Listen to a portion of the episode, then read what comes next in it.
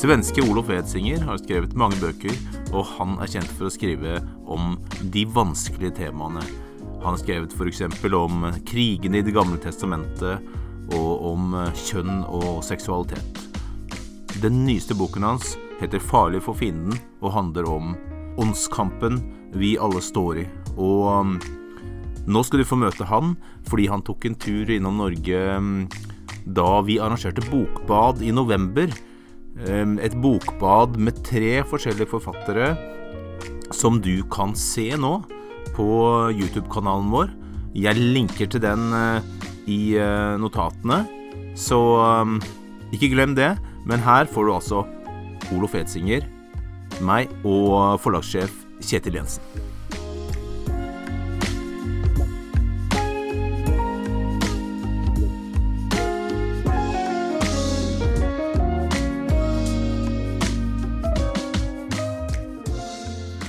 Ja, du hører på Lundestund, og vi har faktisk fått med oss en svensk gjest i studio i dag, Olof Edsinger.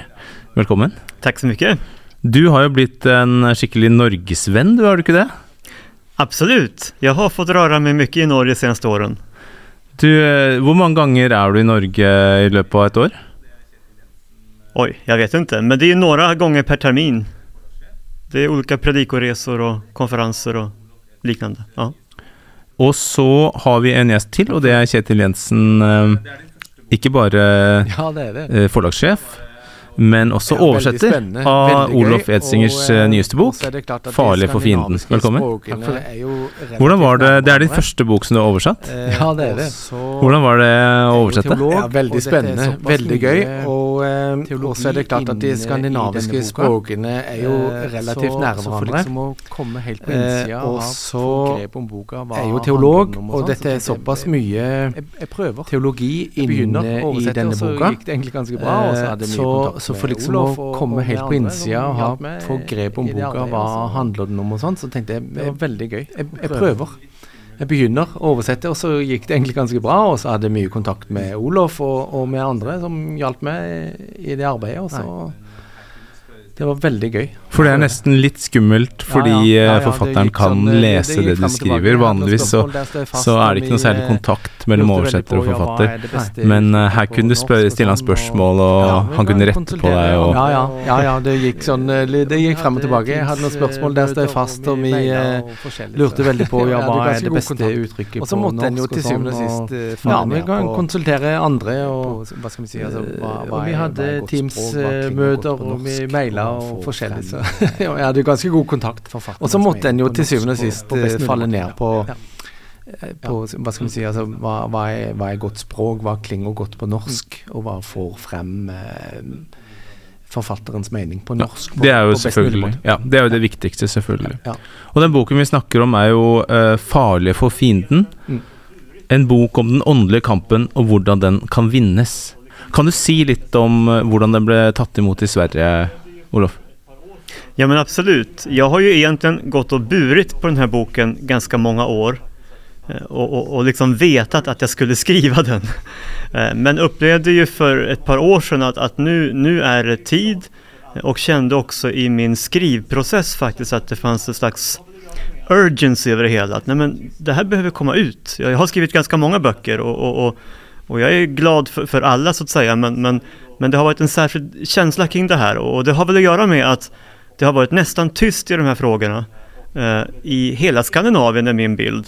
Eh, jag kommer från Sverige då och, och, och, och det var ganska mycket undervisning och tal om det här på 80 och 90-talet. Eh, och ibland blev det för mycket tal om det eh, och en del avarter också kring det. Eh, jag var ju själv aldrig med då, jag, jag, jag levde ju då men jag var liksom inte aktiv i de sammanhangen. Men jag har ju hört mycket.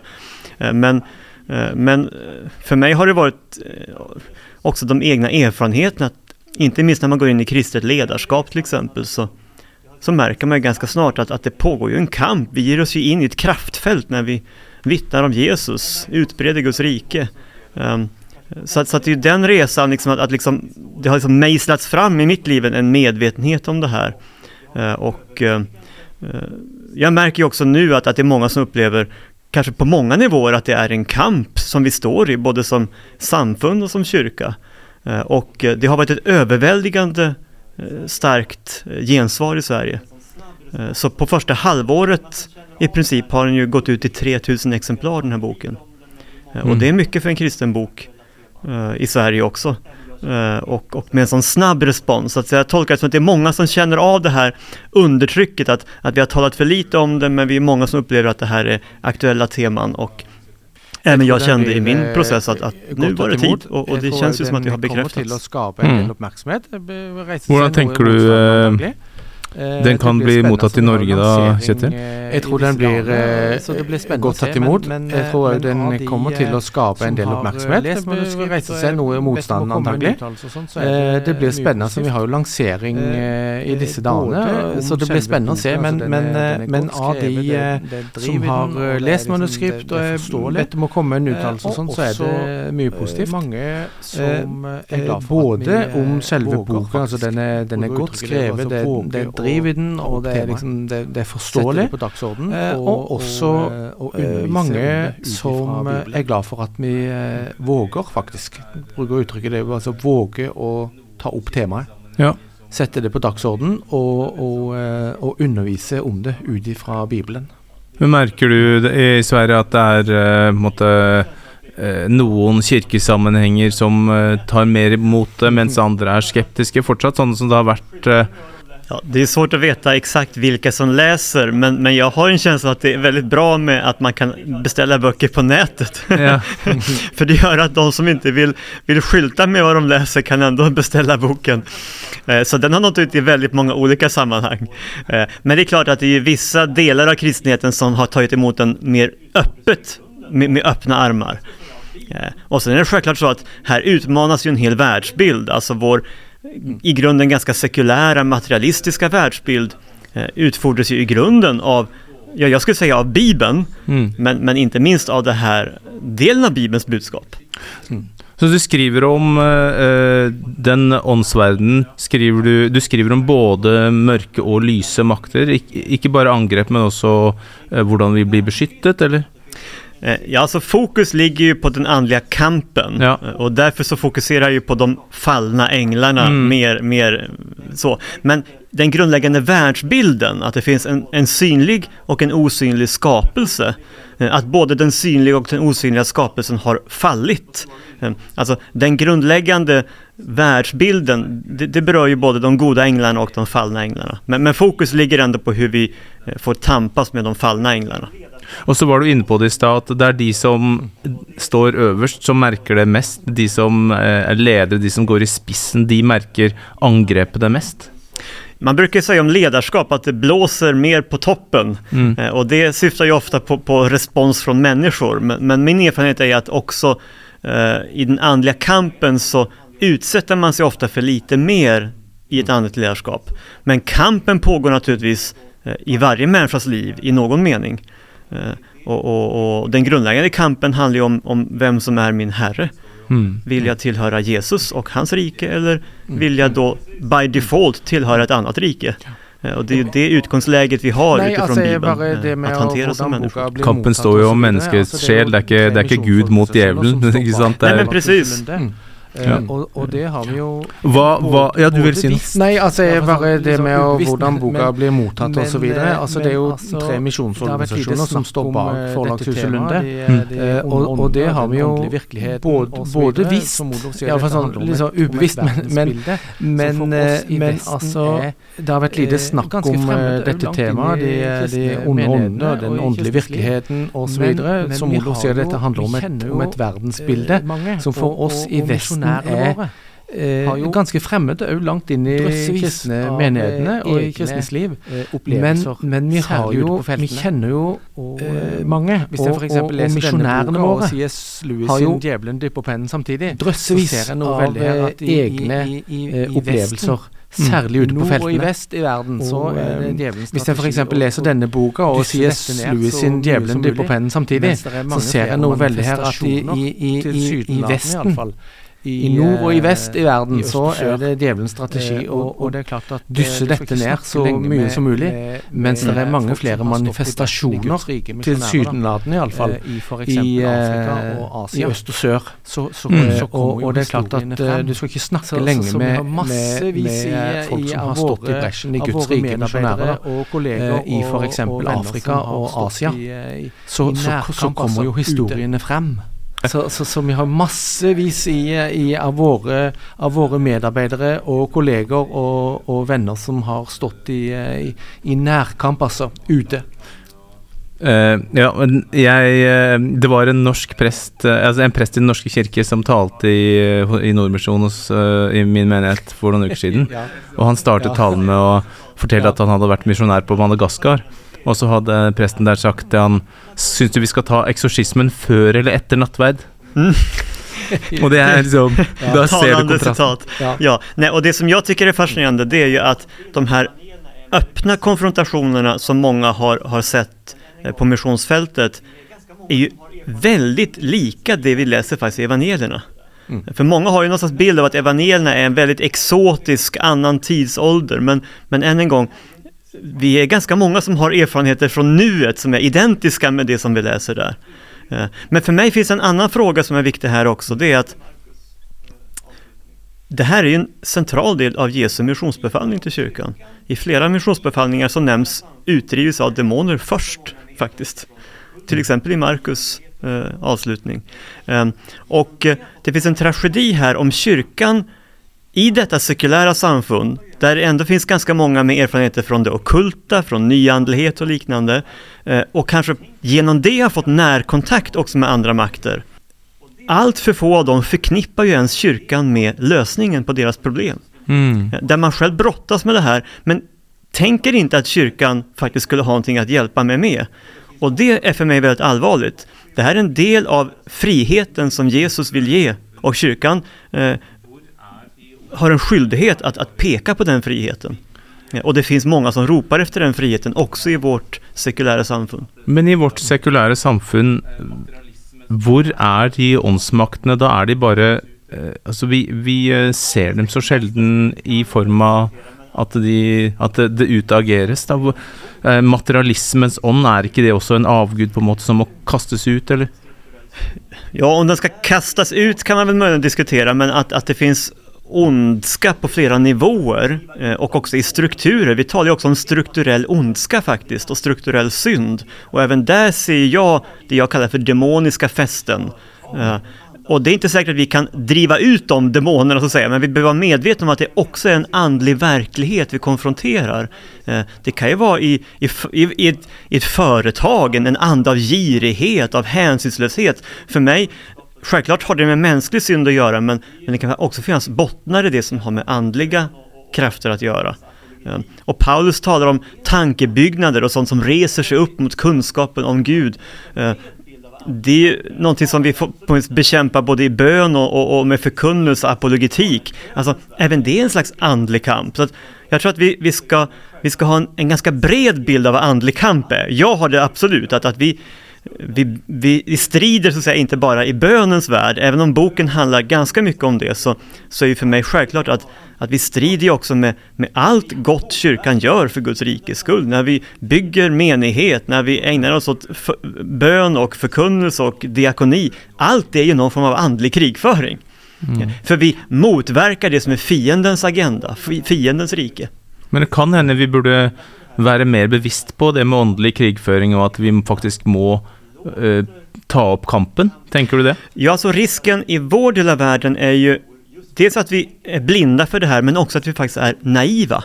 Ja. Att vi kanske ibland låter eh, kampen diktera våra liv mer än vi tror, just för att vi inte tänker på den. Eh, Så vi styr undan vissa frågor eller problem för att det kanske inte så tacksamt utifrån samfundsdebatten eller liknande och inser inte att då drar vi oss också undan från ett område där fienden verkar. Till exempel.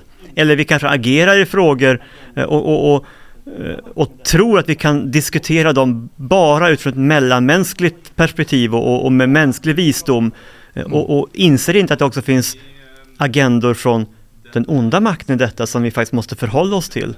och som vi ska vara väldigt osentimentala gentemot. Så att det finns många nivåer av detta. Ja. Mm. Mangler vi Ja, eh, vi den, eh, den eh, innstillingen? At vi skal være krigere, på en måte at vi, vi, vi. Trenger vi litt mer sånn brann, eller hva? Eh, ja, det tror jeg vi kan eh, trenge. Det kan vi kjenne oss igjen i veldig mange. Og så tror jeg også at det handler om et språk. Et språk for dette. Eh, det trenger jo ikke å bli vulgært eller jeg holdt på å si ytterliggående eller eh, altfor sånn eh, Hva skal man si krigersk, men, men, men, men Det nye testamentets Eller la, la oss si Bibelens språk for den åndelige kampen. Eh, må vi lære oss å kanskje lære oss på nytt.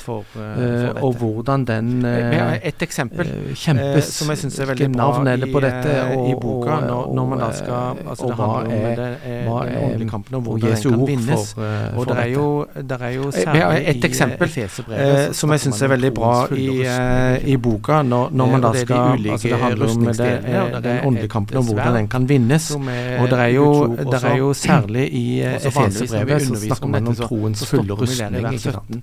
Mens i Eh, vers og det er de 18, når det ulike rustningsdelene, og det er eh, et sverd som er Guds ord. Og så, Med bønn. og så vanligvis når vi underviser om dette, så, Eh, så stopper vi der i vers vi 17. tenke om Mens i vers tenke 18, over, og det er påpeker eh, eh, Olof eh, på en veldig fin måte, der fortsetter jo Paulus med bønn. men når vi ber, Eh, er og, og, og det skal vi tenke om og tenke over. Og, Og- det er noe av den der eh, kampen her også, rett og slett. naive eller Ikke bare skal kjempes i bønn, men når vi er ber, noe.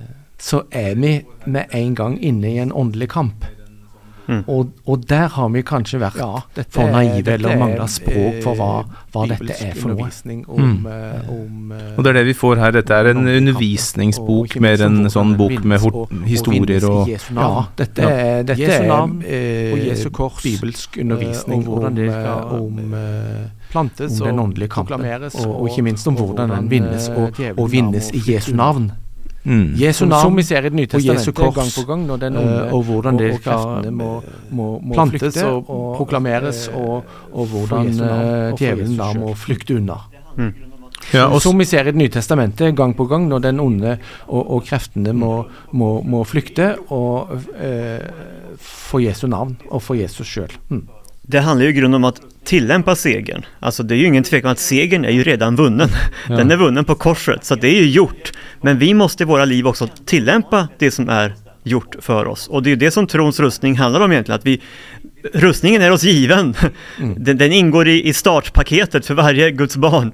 Eh, Men ändå uppmanas vi att ikläda oss den och, och konkret också ikläda oss hela rustningen. Vi, vi, vi, vi behöver varje enskild del. Jag tänker det är mycket det som, som boken också vill peka på. Hur kan vi vara iklädda hela rustningen? Hur kan vi ha en andlig urskiljning där vi identifierar de här sakerna? Och som, som Kjetil är inne på, det handlar inte nödvändigtvis om att man ska ha krigsretorik hela tiden eller tala högt och, och starkt och sådär, utan det är mer en, en, en, en sund kristen självbild, inse vilka vi är i Kristus, men också vad vi faktiskt möter som ambassadörer för Guds rike i en fallen värld. Och då behöver vi rustningen, vi behöver vapnen, vi behöver framförallt Jesus. Eh, så boken lägger en mycket tydlig biblisk grund, men går också ganska djupt in i de praktiska tillämpningarna.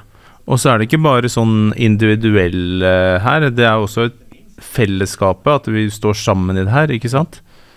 Så är det absolut, och det har ju med de olika nivåerna att göra. Ja. Eh, Så kampen på, pågår ju i våra enskilda liv, men det pågår ju inte minst om hela den kristna församlingen. Mm. Mm. Ok, du skal få siste ordet. Hvorfor skal vi lese denne boken, Olof? Nej men dels så, så har vi ju som kristna en skyldighet att, att ta till oss det Bibeln säger på, på alla områden. Och det här menar jag är ett, ett av de mer grundläggande. Eh, för det handlar om hela världsbilden, förståelsen.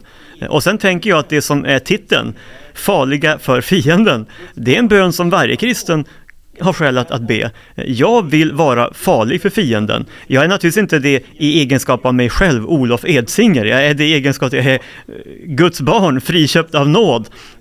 Men om, om det jag gör gör så liten skillnad för Guds rike, att fienden inte tycker jag att, att jag är något problem, då har jag ett problem. Jag vill att fienden ska se på Olof Edsten och säga att den där killen ställer till med alldeles för mycket oreda, gör för mycket bra för Guds rikes sak. Eh, så honom vill jag faktiskt bråka lite med. Eh, det tror jag är bra. Eh, en bön som varje kristen kan be. Jag vill vara farlig för fienden och så får jag stå i Guds nåd och under Jesu kors och, och då, då finns det seger. Tusen takk for at du hørte på denne episoden av Lundestund. Vi kommer snart igjen. Lundestund er produsert av Andreas Kristiansen, og forlagshuset Lunde består av Norsk Bibel, Lunde, Luther, Veritas og Samboende. Ha en fin dag.